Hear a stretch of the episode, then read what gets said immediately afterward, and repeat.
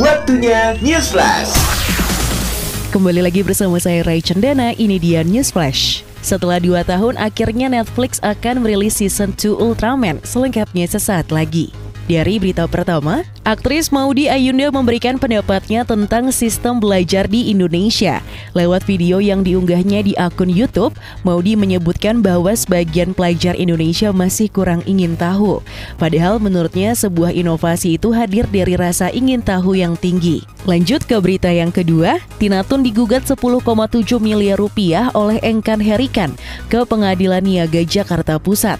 Gugatan tersebut diajukan karena Engkan Herikan yang merupakan pencipta lagu Bintang tidak terima lagunya dipakai Tinatun. Gugatan itu sendiri telah masuk sejak April 2021 lalu. Ini dia berita yang kamu tunggu-tunggu. Setelah dua tahun lama menunggu, akhirnya Netflix mengungkapkan bakal merilis season 2 Ultraman.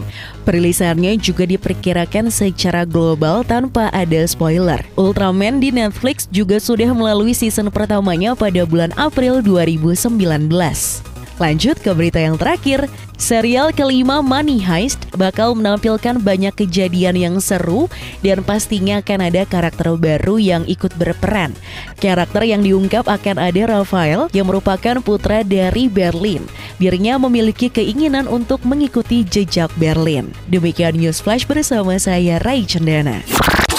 Update terus berita terbaru cuma di News Flash.